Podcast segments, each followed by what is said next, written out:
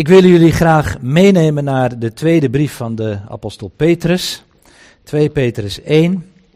En dan willen we lezen vanaf vers 16 tot en met 21. Dus 2 Petrus 1, vanaf vers 16 tot en met 21.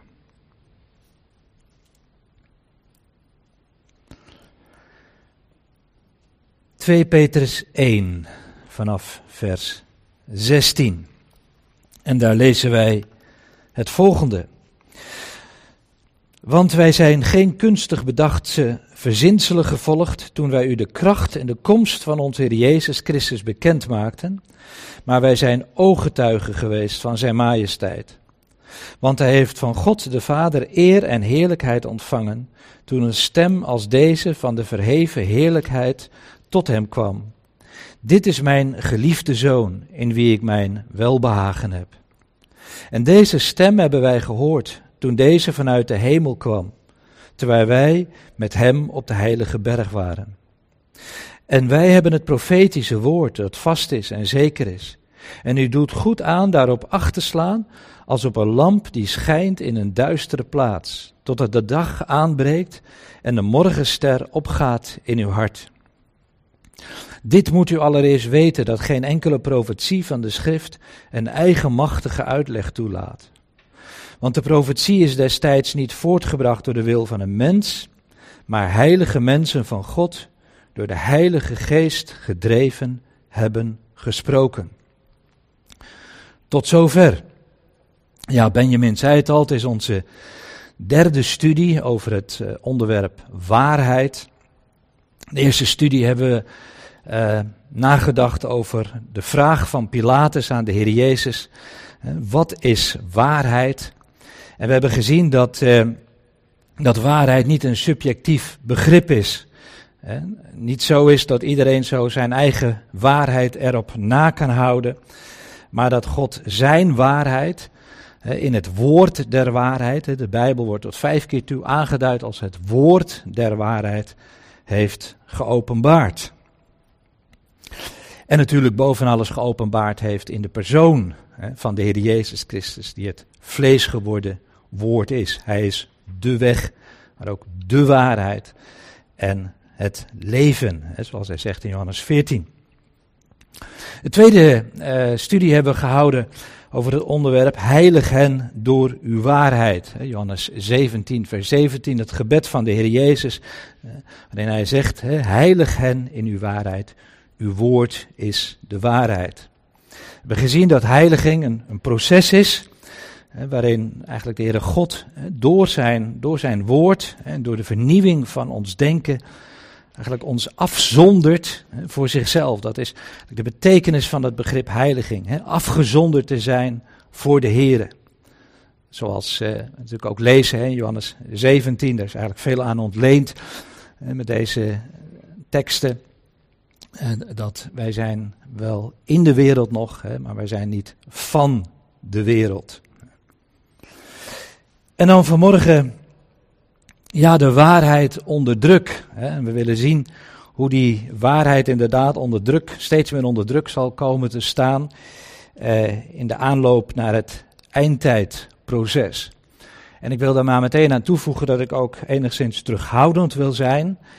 Uh, omdat ik ook begrijp dat ook kleine oortjes meeluisteren met deze dienst.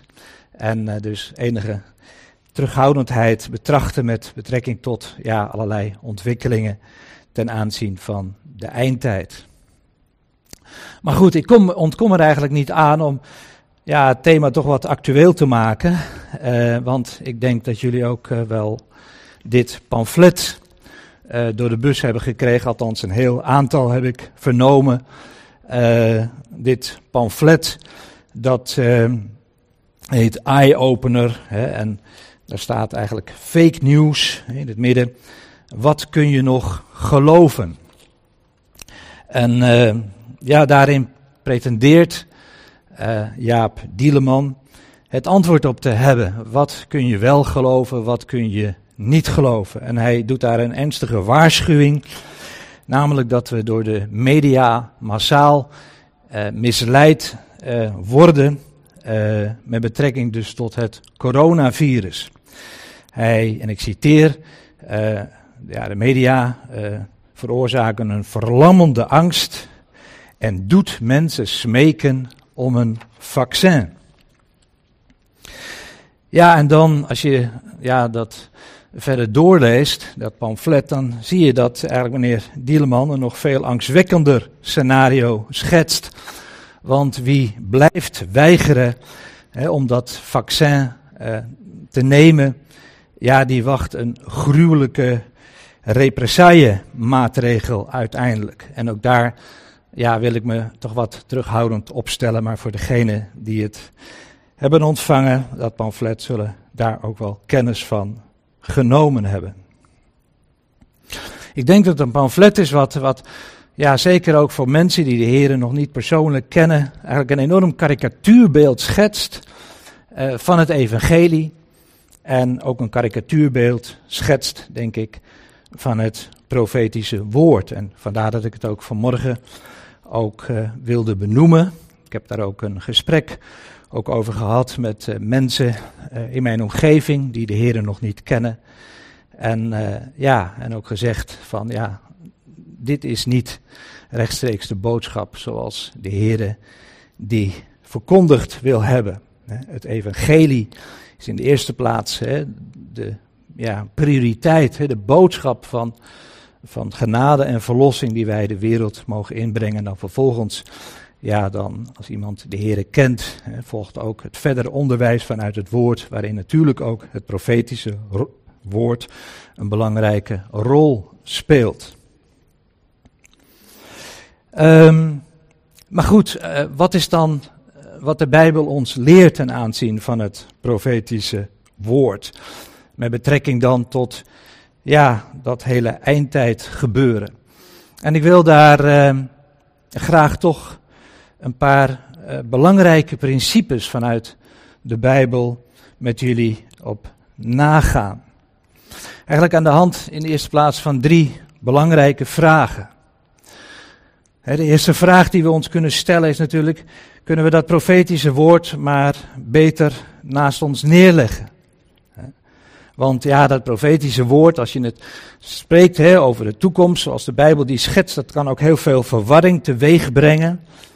Uh, ja, en daar word je alleen maar onrustig van, daar word je eigenlijk alleen maar bang van. Uh, ja, en, en, en wil je dat? Uh, nou, Petrus geeft daar heel duidelijk een antwoord op. Um, in vers 19. Als hij zegt, u doet er goed aan daarop, op dat profetische woord, acht te slaan als op een lamp die schijnt in een duistere plaats. Totdat de dag aanbreekt. En de morgenster opgaat in uw harten. Eigenlijk heel bijzonder dat, dat Petrus in de eerste plaats ons eigenlijk laat zien dat... Uh, ja, dat profetische woord juist, juist licht en perspectief geeft in de duistere wereld waarin wij leven. Een wereld waarvan we weten dat hij ook steeds duisterder zal worden. En dat uiteindelijk de Heere de overwinnaar zal zijn. De, de duisternis zal plaats moeten maken voor het licht. De morgenster die opgaat in uw harten, spreekt hij het over. De dag die straks ook voor de wereld, de nieuwe dageraad die er voor de wereld zal aanbreken. Dat is het geweldige perspectief dat het profetische woord ons toch in het bijzonder wil geven.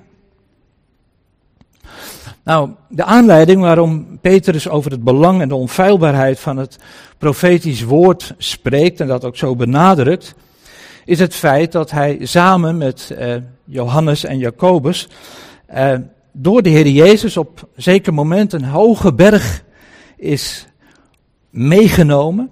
En daar met zijn ogen, maar ik denk ook met zijn hart, eigenlijk iets van die heerlijkheid die straks hè, de wereld wacht bij de komst van de Heer Jezus Christus, heeft mogen aanschouwen. Hij zegt in vers 16, als we dat juist hebben gelezen, want wij zijn geen kunstig bedachte verzinselen gevolgd. Het Grieks gebruikt hier het woord mythos, wat je ook zou kunnen vertalen met fabels. Het zijn geen fabels geweest die wij, die mensen hebben voortgebracht en die wij ja, vervolgens dan weer ehm, ja, gevolgd hebben.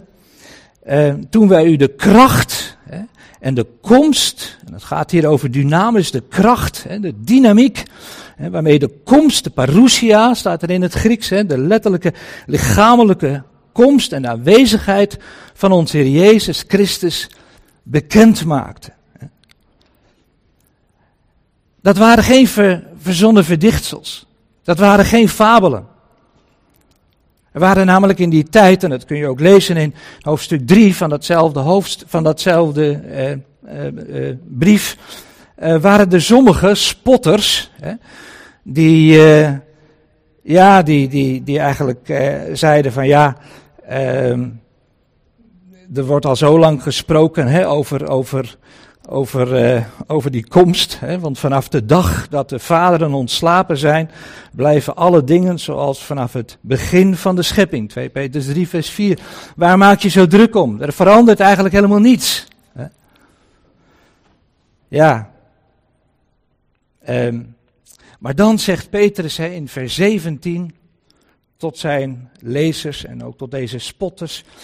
Maar wij zijn ooggetuigen geweest van zijn majesteit. Want hij heeft van God de Vader de eer en heerlijkheid ontvangen toen een stem als deze van de verheven heerlijkheid tot hem kwam. Toen hij zei, dit is mijn geliefde zoon in wie ik mijn welbehagen heb. Prachtig hoe, hoe daar eh, Petrus en ook Jacobus en Johannes aan getuigen zijn geweest van dat, van dat geweldige moment waarin die eer hè, en die verheven heerlijkheid hè, uh, gezien werd, aanschouwd kon worden. En natuurlijk dat moment hè, waarop de Heere dan gesproken heeft, hè, dit is mijn geliefde zoon in wie ik mijn welbehagen heb. Hè, daar gaat het natuurlijk altijd om in de Bijbel. Hè, het luisteren uh, naar de stem van de Heer Jezus, die, in wie God zijn, zijn welbehagen heeft. Hij is het centrum uh, van de schrift. En dat zal straks ook openbaar worden. Als je dat ook leest in Matthäus 17, hè, dat, uh, daar, daar vind je die, die geschiedenis ook beschreven, dat de Heer Jezus en dan Petrus, Jacobus en Johannes meenam naar een hoge berg, staat er heel expliciet. En hij werd voor hun ogen van gedaante veranderd, zijn gezicht straalde als de zon en zijn kleren werden wit als het licht. Nou, ik denk dat die hoge berg waar dat plaatsvond, eigenlijk, eigenlijk een voorproefje is van, van hoe straks die, die berg, die de hoogste zal zijn, hè, zegt de Bijbel van alle andere bergen, hè, waar die tempel des Heren zal staan, waar de Heer Jezus Christus ook vanuit Jeruzalem straks weer zal regeren in al zijn heerlijkheid en al zijn majesteit. Eigenlijk dat wat deze drie discipelen hebben gezien, daarvan eigenlijk een voorproefje is. En vandaar ook dat Petrus ook met zoveel kracht hè, daarvan kan getuigen. Dat het eens zo zal geschieden. Dat prachtige perspectief van dat profetische woord, zoals Gods woord dat schetst, dat eens ook werkelijkheid zal worden. Er is ook nog een andere reden waarom Petrus zegt dat dat woord, dat profetische woord, vast en zeker is. Je kunt dat lezen in vers 21. Want, zegt hij, omdat dat profetische woord niet is voortgebracht door de wil van een mens, maar door heilige mensen. Daar heb je weer dat begrip heilig. Mensen die afgezonderd zijn om dat woord eh, te verkondigen of om dat woord op te tekenen. Door God afgezonderde mensen die door de Heilige Geest eh, gedreven die profetieën hebben gesproken, hebben voortgebracht. Het waren dus geen verdichtsels van mensen. Het was de Heilige Geest die hen deze dingen heeft laten optekenen. Ja, en dan natuurlijk de vraag, de derde vraag, kunnen we de, door middel van de profetieën duiden uh, wat er in de wereld om ons heen gebeurt.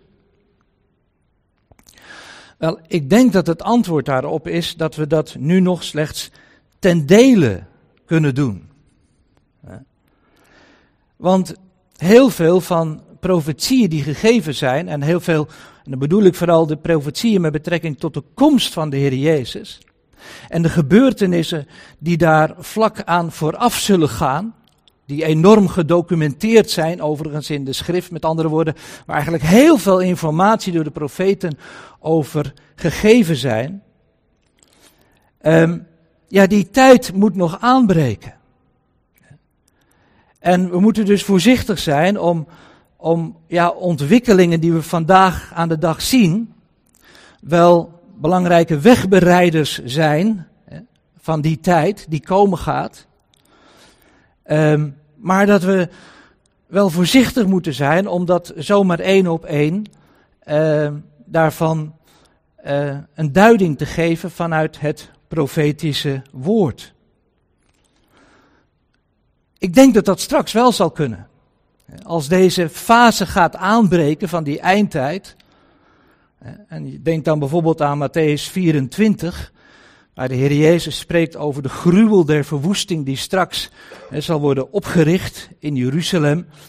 Um, die, dat, dat beeld waar ook Openbaring 13 over spreekt, waar de Heer Jezus vervolgens ook verwijst naar het boek Daniel. Ja, dan zegt de Heer Jezus heel expliciet, wie het leest, um, ja, moet vluchten in de bergen. Hè, die wonen in Judea, dus ook de locatie wordt daar aangeduid, moet als ze dat zien gebeuren, vluchten hè, naar de bergen. En daar zien wij dus dat, dat als ja, dat de Heer dus deze, deze profetie gegeven heeft, dat als die tijd straks zal gaan aanbreken, hè, dat hij vervolgens ook ja, in die profetie dus ook instructies heeft gegeven wat de mensen in die tijd, op die plaats, hè, waar die grote verdrukking ook voor Israël straks zal aanbreken, zullen moeten, moeten doen. Wie het leest, er, geven er acht op. En dat vind ik zo mooi, daarom is het ook zo belangrijk, denk ik, dat Joodse mensen niet alleen het Oude, maar ook het Nieuwe Testament tot hun beschikking hebben, zodat zij dat kunnen lezen, dat profetische woord, en daar dus ook kunnen acht op kunnen geven in de tijd dat ook deze dingen dan ook zullen gaan plaatsvinden. Nou, het feit dus dat uh, uh, deze profetieën uh, ja, gegeven zijn aan, aan heilige mensen, door de Heilige Geest gedreven hebben zij gesproken. Daaruit concludeert Petrus tegelijkertijd dat en dat zegt hij dan ook, dit moet u allereerst weten dat geen enkele profetie van de schrift een eigenmachtige uitleg toelaat. Dit moet u allereerst weten. Je ziet dat, dat, dat dus Petrus daar echt de nadruk op legt. Hè? Dat als, je, als je dat profetische woord bestudeert, dat, dat dat vooral heel belangrijk is. Dat je daar niet mee op de loop gaat. Hè? Dat je daar geen eigenmachtige uitleg aan geeft. Het lijkt wel alsof Petrus eigenlijk voorziet dat uh, ja, op zeker moment gelovigen uh, ja, die, die, die woorden die God heeft laten optekenen met betrekking tot de toekomst, uh, ja, dat ze daar eigenlijk zelf een invulling aan zullen gaan geven. Uh, gepaard gaande wellicht met allerlei speculaties. Ik denk dat het zo belangrijk is dus dat we dat ja, die profetieën zorgvuldig bestuderen. Dat we die profetieën naast elkaar gaan leggen. Niet alleen datgene wat, ons, wat we daarover lezen in het Nieuwe Testament. De brieven van Paulus, Matthäus 24, de eindtijdredes van de Heer Jezus, verschillende evangelieën of het boek Openbaring, maar ook het Oude Testament daarnaast leggen. En al die profetieën proberen daar langzamerhand een, een, beeld van te krijgen. Je zou kunnen zeggen, het is als een, als een puzzel die gemaakt moet worden, hè, waar je dan die plaat, hè, zoals die puzzel er uiteindelijk uit moet zien, hè, eh, ja, dat je daar eigenlijk eerst een beeld van moet krijgen, wil je ook die, die puzzelstukjes op zijn plaats kunnen krijgen. Ik wil daar vooral de nadruk op leggen, omdat ja, de, een belangrijk principe van sowieso het uitleggen van Gods woord is dat de Bijbel zichzelf verklaart. Het laat niet een eigenmachtige uitleg toe. De Bijbel verklaart zichzelf. Ik vind het zo mooi hè, dat je kunt lezen in Handelingen 17 dat op zeker moment uh, Paulus en Silas in Berea aankomen. Hè, daar in de synagoge het evangelie brengen. En dat je dan leest over de Bereërs. Zij ontvingen dat woord met grote bereidwilligheid. Dat wil zeggen, zij waren hongerig naar dat woord. Zij wilden daar, ja, vader verlangen om daar ook meer kennis van te nemen. En dan tegelijkertijd, dat lees je dan over hen, dat zij dagelijks de schriften nagingen of deze dingen zo waren. Zij onderzochten de schriften. Datgene wat hun gepredikt, datgene wat hun verkondigd werd. In beginsel namen zij dat in dankbaarheid aan, in bereidwilligheid, maar ze checkten dat. Ze checkten dat, ze controleerden dat in de geschriften of deze dingen zo waren. Zij gingen terug naar de bron. Ik vind het zo mooi als je even die vergelijking trekt met de Corinthiërs. Over hen eh, lezen wij dat zij over Paulus eigenlijk helemaal uh, ja, niet, niet zo uh, een hoge hoed over, over hadden. Over, over hadden uh, zij zeggen over hem, ja, zijn, zijn lichamelijke aanwezigheid is zwak. Hè, zijn spreken is verachtelijk, kun je lezen in 2 Korinthe 10. Zij, zij beoordeelden Paulus eigenlijk op zijn uiterlijk. Zij, probeerden, zij beoordeelden Paulus op, op zijn welbespraaktheid. Maar de Bereërs, zij gingen terug naar de bron. Zij onderzochten wat de schrift over deze dingen zei. Nou, we moeten dus tenminste dat grote lijnen van dat profetische woord gaan leren kennen. We moeten langzamerhand zien hoe we bepaalde puzzelstukjes in de ontwikkelingen, in de ontwikkeling in de wereld, eigenlijk een plaats kunnen geven. En ik denk dat een heel belangrijk puzzelstukje is de oprichting van de staat Israël in 1948. Dat is niet de vervulling van Gods belofte van herstel aan Israël. Want dat zal allemaal straks nog gaan plaatsvinden bij de wederkomst van de Heer Jezus Christus. Maar het is wel een belangrijke voorwaarde om die profetieën in vervulling te laten gaan. Want het mag duidelijk zijn, al die profetieën met betrekking tot de wederkomst van de Heer Jezus en die tijd die daaraan vooraf gaat, die gaan ervan uit dat er inderdaad een deel van het volk weer zal zijn teruggekeerd naar het land. Dus in dat opzicht is, uh, is 1948 een, eigenlijk een belangrijke uh, moment in de geschiedenis. Een kantelmoment.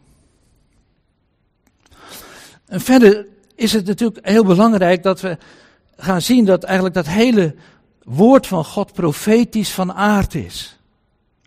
Dat wil zeggen dat, dat heel veel dingen die we lezen in de geschiedenissen van, van bijvoorbeeld het volk Israël, niet alleen maar een historische betekenis hebben, maar ook, ook een profetische betekenis hebben. Denk bijvoorbeeld aan de geschiedenis van Jozef. En daar zou je natuurlijk heel veel voorbeelden nog aan kunnen toevoegen. Die, die, die geschiedenissen die iets vertellen, tegelijkertijd eerst over die tijd, maar tegelijkertijd ook iets over dat toekomstig handelen van God.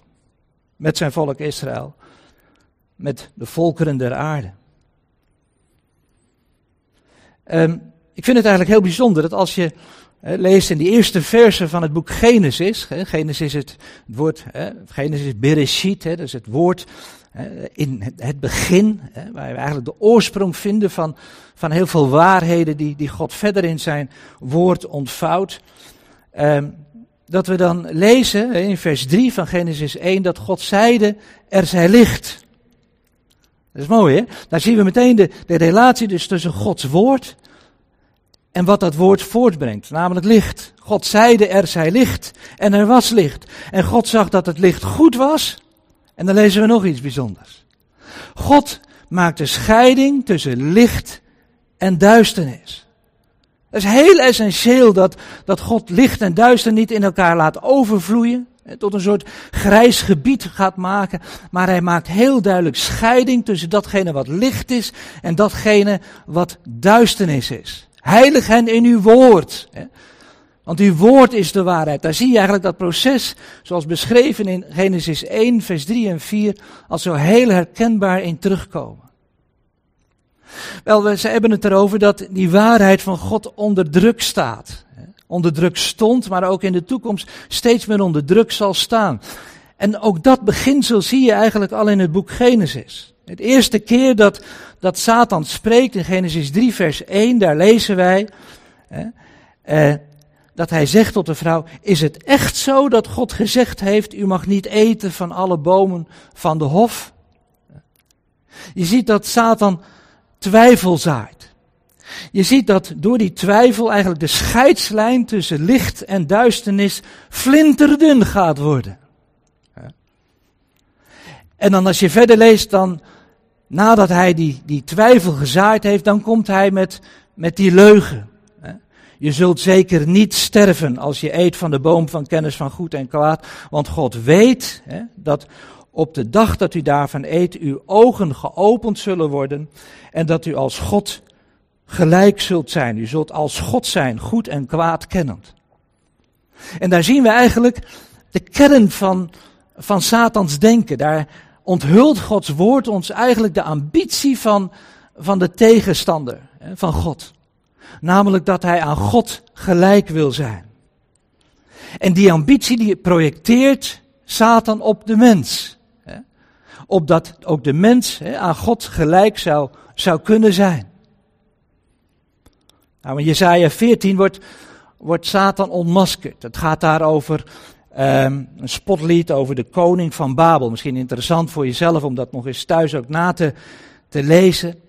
Maar dan zie je dat het eigenlijk niet betrekking alleen kan hebben op die koning van Babel, maar dat het hier gaat om een geestelijke macht. Die zegt, en ik citeer even, u zei in uw hart, ik zal opstijgen naar de hemel, tot boven Gods sterren zal ik mijn troon verheffen, ik zal zetelen op de berg van de ontmoeting aan de noordzijde. Vers 14 van Jesaja 14, ik zal opstijgen boven de wolkenhoogte en ik zal mij gelijkstellen aan de Allerhoogste. Nou, daar zie je eigenlijk het streven van Satan zich gelijk te stellen aan de Allerhoogste. Nou, het mooie is, als je weer even teruggaat hè, in Genesis 1, vers 3, hè, dat God scheiding maakte tussen licht en duisternis. En we lezen dat eh, in Genesis 3, vers 15, dat de Heere zegt, ik zal vijandschap teweeg brengen, zegt hij tegen de slang, tussen u en de vrouw, tussen uw nageslacht en haar nageslacht. Dat is eigenlijk een beeld van Christus, het nageslacht van de vrouw. Ehm, en dat is de, de Messias. En dat zal u de kop vermorselen. En daar zie je eigenlijk ook alweer dat prachtige profetische perspectief dat uiteindelijk die tegenstander van God, hè, Satan, ja, zijn, zijn, zijn carrière zal uiteindelijk ten einde lopen. Zijn kop zal vermorseld worden. Zijn carrière zal eindigen in de poel des vuurs, zoals we kunnen lezen in het boek Openbaring. Maar let dus wel, de Heer die zelf vijandschap zet tussen het zaad van de vrouw en het zaad van de slang. En je zou kunnen zeggen dat is eigenlijk de grote strijd die we door de hele Bijbel en uiteindelijk natuurlijk ook door de menselijke geschiedenis heen zien lopen.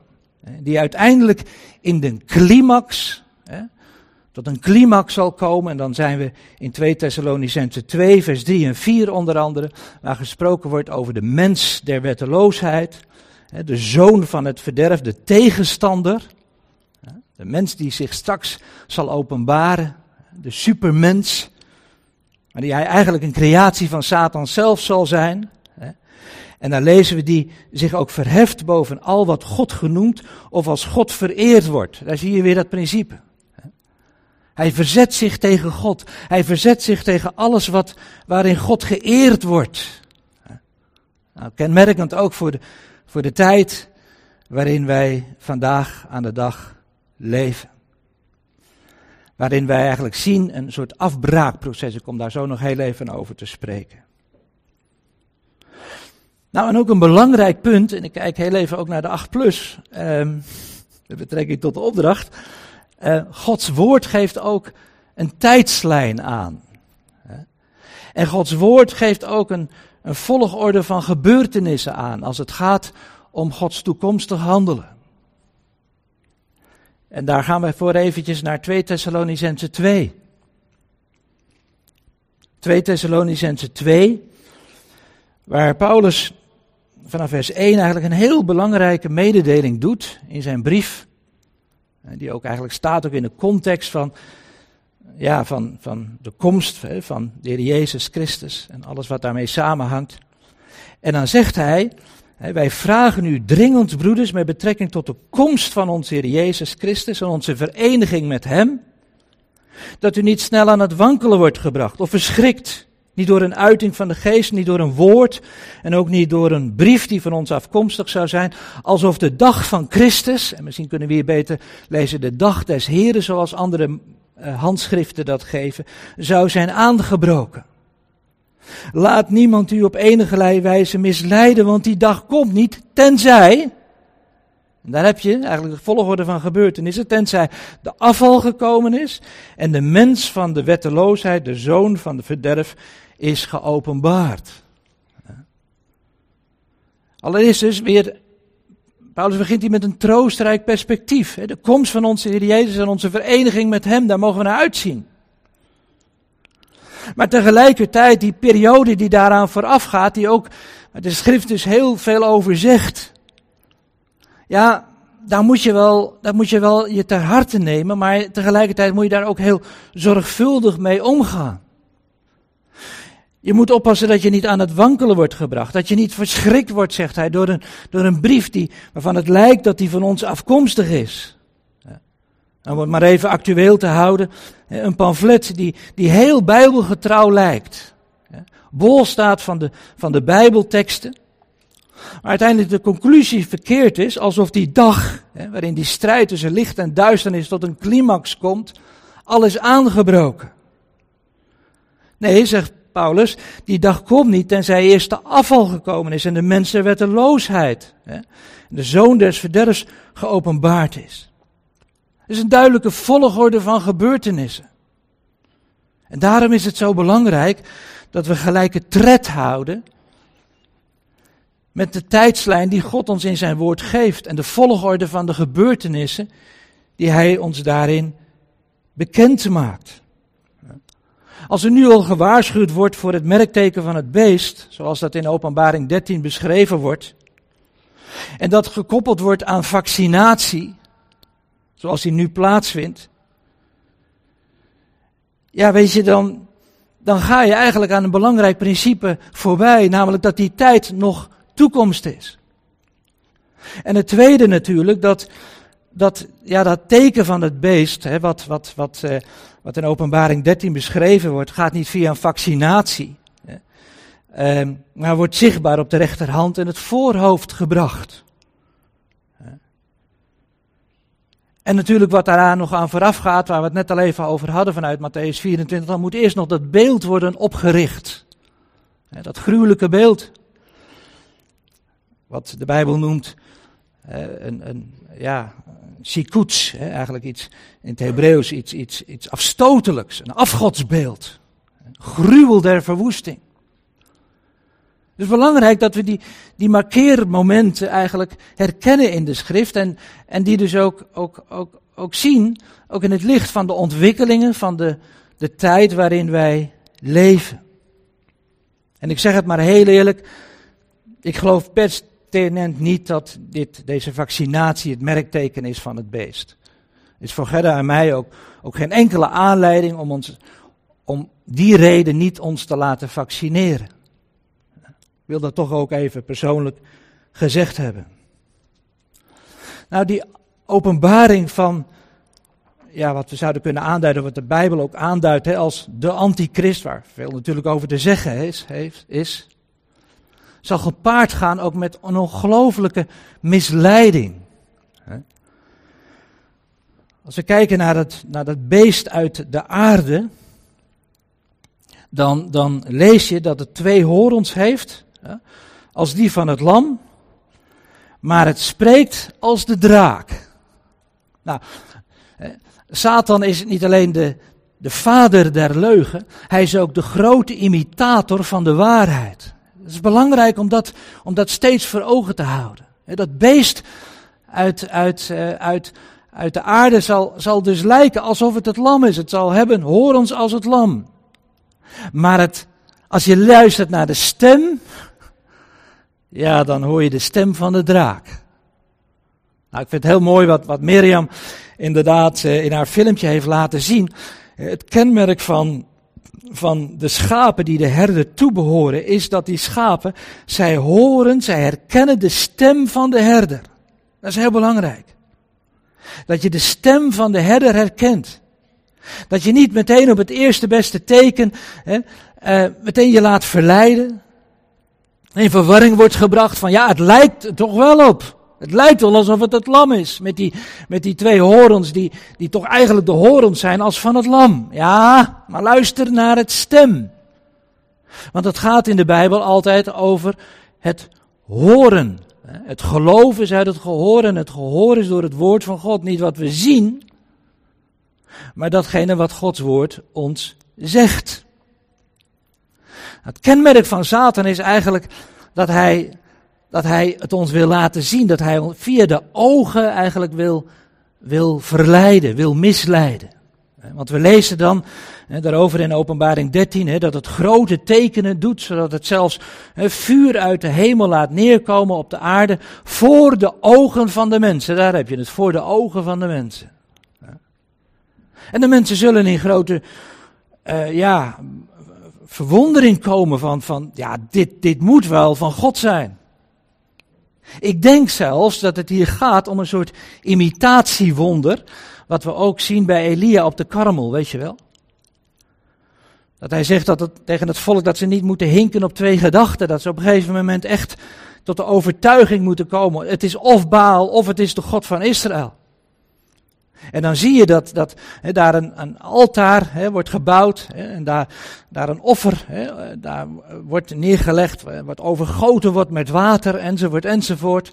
er kan geen mens aan te pas komen die dat, die dat offer moet aan, zou kunnen aansteken, dat is onmogelijk. En dan ineens komt er vuur uit de hemel.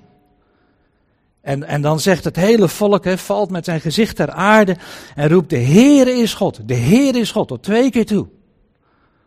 Ik denk dat een, vergelijkbaar wonder hè, straks weer opnieuw aan de mens uh, ja, geopenbaard zal worden. Alleen het zal niet zijn vanuit God zelf, maar als de grote tegenspeler van God. Satan is dus de vader van de leugen en de imitator van de waarheid. En het is heel bijzonder ook als je leest Matthäus 24, hè, die beperk me nu even toe tot, tot die eindtijdreden van de Heer Jezus. Dat eigenlijk het eerste wat hij zegt, pas op dat niemand u misleidt. Want inderdaad zegt hij, velen zullen komen in mijn naam. Ze zullen zelfs in de naam van Christus komen. Nou, dat, dat, dat moet toch wel indruk maken. In mijn naam zullen ze komen. En dan, dan zegt hij, maar pas op dat niemand u misleidt. Want als hij zegt, ik ben de Christus. Want, zegt hij, de Heer Jezus, zij zullen velen misleiden. Ja, er zullen inderdaad velen straks misleid worden. Door die geweldige wonderen, door die geweldige tekenen, door, ja, door degene die zich pretenderen als de Messias te zijn. En ik denk weer aan dat prachtige filmpje van Mirjam, Johannes 10, waar het inderdaad gaat over die, ja, over die dief, over die rover, over die vreemdeling, over die huurling. En over uiteindelijk de wolf. Maar er is de goede herder, die waakzaam is. Waar de schapen hun oor op hebben afgestemd. En daar gaat het ook vooral voor, aan, voor ons, ook in deze verwarrende tijd op ons. Dat we dat, die stem van de goede herder steeds, eh, ja, daarop gericht zijn. Ja, en dan nog heel even met betrekking tot die puzzel. Ja, die puzzel bestaat natuurlijk uit, uit heel veel onderdelen. En het is gevaarlijk om, om één puzzelstukje hè, uit bijvoorbeeld die eindtijdreden van de Heer Jezus te nemen en daar een hele eindtijdtheorie over op te bouwen. Nee, de Heer Jezus heeft niet alleen een tijdslijn gegeven, maar hij heeft ook, een, ja, ook, ook laten zien hoe eigenlijk al die tekenen die straks zullen gaan plaatsvangen, ook, ook een samenhangend geheel vormen. En daarom is het zo belangrijk om niet zomaar selectief één puzzelstukje te nemen en, en dat zomaar een plaats te geven in, ja, waar jij denkt dat het misschien wel leuk en een goede plaats zou zijn. Nee, belangrijk hè, om het geheel daarvan te bestuderen. Nou, kunnen we dan rustig achteroverleunen. Is, is het dan nu dan, dan dat we zeggen, is dat, mijn, is dat de conclusie van, van deze overdenking? Dat je zegt, nou ja, joh, weet je, het, is, het moet allemaal straks in de toekomst zal het gaan gebeuren. Dus ja, weet je, voor ons is het eigenlijk helemaal niet belangrijk om ons bezig te houden met het profetisch woord. En, en, en eigenlijk, ja, uh, bezig te zijn met, met allerlei ontwikkelingen in de wereld om ons heen. Nou, dat is absoluut niet mijn conclusie vanmorgen. Ik geloof dat we er goed aan doen om dat profetische woord te bestuderen. Dat we daarmee bezig zijn met, dat, met hoe de dingen inderdaad straks in de toekomst, ja, uh, ja deze profetieën samen zullen komen en, inderdaad ook eh, zich zullen voltrekken zoals God ons dat in zijn woord gezegd heeft. En ik denk ook dat het heel uh, belangrijk is dat we gaan zien wat die wegbereiders na die tijd eigenlijk zijn. Wegbereiders. ik heb al vaak hier gezegd, en ik ga dat nu niet weer herhalen, hè, van, van wat er op de kinderen afkomt. De jonge kinderen, dat is echt onvoorstelbaar. Hoe, hoe, hoe Satan zijn pijlen juist op, op de kinderen van de basisschool en ook daarna eigenlijk, eigenlijk zijn pijlen gericht heeft. En ik weet niet, je zal het zelf ook wel eh, vernomen hebben dat er eh, nu gewerkt wordt door de NPO aan een, aan een uitzending, moet je voorstellen. Waar dus eh, kinderen van groep 7 en 8 vragen kunnen stellen aan volwassenen. Nou, denk je, nou, dat is nog wel mooi. Vragen dan over het menselijk lichaam. En hoe mooi dat menselijk lichaam is en wat de verschillen zijn tussen man en vrouw. Dan denk je, nou, maar dan moet je je voorstellen, die, die volwassenen die kleden zich dus uit. Die staan daar poedelnaakt daar op het toneel. Worden, ik heb even een stukje gezien van tevoren, die worden dan met applaus binnengehaald. En ja, dit, dit is toch weer zinwikkeld. Is dat? Hè? Want het zal vermoedelijk ook via, ja, via, op scholen zal dit geïntroduceerd worden. Is dat wat we onze kinderen willen bekendmaken? Willen bijbrengen van, van de schoonheid waarmee God hè, dat menselijk lichaam heeft geschapen? Is dat inderdaad het beeld wat we aan onze kinderen over deze dingen willen meegeven. Laten we, laten we daar acht op slaan. Laten we daar zien dat inderdaad straks dat moment gaat komen van die afval. Dat daar, het ware, nu al de samenleving en de wereld op wordt, wordt voorbereid. Op heel veel eh, onderwerpen. En zeker als het gaat om het afbraakproces, denk ik, van de normen en waarden zoals God ons die in zijn woord heeft bekendgemaakt. Nou, ik wil afsluiten met eigenlijk alleen maar te lezen die woorden. Die vind ik zo, zo, pas, zo passend uit 2 Timotheus 4. 2 Timotheus 4 en daar wil ik mee afsluiten. En daar zegt Paulus dan, 2 Timotheus 4 vanaf vers 4, vanaf vers 1. Ik bezweer u, je ziet wat hij dat nou al met klem zegt, ik bezweer u ja, ten overstaan van mensen, nee, ten overstaan van God en de Heer Jezus Christus. Die levende en doden zal oordelen bij zijn verschijning en in zijn koninkrijk. Daar zie je weer het perspectief. Wat er dus ook allemaal in dat koninkrijk en bij die komst van de Heer Jezus zal gebeuren. Daar zal ook een oordeel mee gepaard gaan. Maar hij zegt juist met het oog op die dingen, op dat wat er staat gebeurd te gebeuren, zegt hij, predik het woord. Ik hoorde laatst iemand zeggen, een schip zonder roer gaat mee met de wind. Ja. Als je, als je geen roer hebt, als je, als je niet afgestemd bent op het woord van God, ja, dan, dan ga je gewoon mee met, met alle, allerlei wind van leer. Nee, vandaar dat Paulus zegt, hè, eh, predik het woord. Kom niet met allerlei speculaties, nee, predik dat woord. Als je dat woord kent, dan kun je ook de dingen om je heen ook onderscheiden. Dan ben je afgestemd op, op de stem van die herder. En dan zegt hij volhard daarin. Nou, dat, dat, dat geeft eigenlijk al aan dat daar dus weerstand tegen komt, tegen dat woord. Anders hoef je daar niet in te volharden. Hij zegt hij, volhard daarin, gelegen of ongelegen, weerleg, bestraf, vermaan, en dat zit allemaal in het woord opgesloten. En doe dat met alle geduld, hè? oh ja, ook zo belangrijk, een onderricht, geduld met elkaar hebben. En onderricht vanuit dat woord, predik het woord. Want, zegt hij, er zal een tijd komen dat de gezonde leer niet, zij de zondige gezonde leer niet meer zullen verdragen. Maar dat zij zullen zoeken wat het gehoor streelt, wat, wat prettig in de oren klinkt. En voor zichzelf leraars zullen verzamelen overeenkomstig hun eigen begeerten. Ze zullen hun gehoor van de waarheid afkeren en zich keren tot verzinsels. Daar heb je weer dat woord mythos, fabels. Maar dan zegt hij, maar u, Paulus, of uh, Timotheus. En ik zou dat eigenlijk ook tegen een ieder van, van jullie, tegen, ook tegen mijzelf willen zeggen. Maar u, maar jij, maar ik. Wees nuchter. Belangrijk woord, nuchter. Nuchter staat tegenover bedwelming. Laat je niet bedwelmen door allerlei wind van leer. Wees nuchter. In alles. Leid verdrukking, ja, dat is inderdaad ook het geval. Als je de staat voor de waarheid, zal je ook met verdrukkingen te maken hebben. Maar wees ook bereid om die verdrukkingen ook te leiden. Leidverdrukking staat in de imperatief. En dan zegt hij: doe het werk van een evangelist. Predik dat woord, predik dat evangelie. Die liefde van die genade van God. Predik die boodschap van de gekruisigde en opgestane Christus. Wees daarmee bezig. En dan zegt hij: vervul uw dienst ten volle. Dat is belangrijk. Dat we datgene wat God ons heeft toevertrouwd. Dat we dat niet zomaar gedeeltelijk, zomaar af en toe eens eventjes in toepassing brengen of daarmee bezig zijn. Maar dat eigenlijk ons hele leven daarop is afgestemd. En daarin zal de Heer ons ook zijn kracht en zijn genade geven. Amen. Zullen we met elkaar de Heer danken?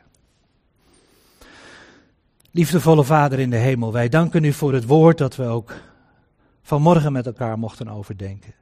Heer, een ernstig woord, want wij zijn ons ervan bewust dat we in een ernstige tijd leven, waar veel op ons afkomt, waar ook veel keuzes, ja, heren, gemaakt moeten worden. Maar dank u wel dat u ons daarin nabij bent. Dat we daarin in afhankelijkheid aan u die weg mogen gaan. Dat we dat woord hebben, dat woord der waarheid. Dat u ons heiligt door uw waarheid. Dat u ons steeds meer eigenlijk de weg wil laten zien die wij in dit leven moeten gaan. Heer, en daar zullen we soms verschillende keuzes in maken. Maar dank u wel dat we met elkaar gemeente mogen zijn, dat we elkaar mogen vasthouden. We elkaar mogen toezien, dat we elkaar mogen, mogen bemoedigen, mogen vermanen als het nodig is. En dat we met elkaar, heren, vanuit dat woord ook, ook steeds meer gaan verstaan welke plaats u ons geeft in deze tijd. Hoe u door uw gemeente heen ook dat licht van dat woord en van die genade en van het leven van de Heer Jezus Christus wil verspreiden. Dank u wel dat we ons zo bij u mogen aanbevelen. Doe het werk van een evangelist op de plaats waar u ons gesteld heeft.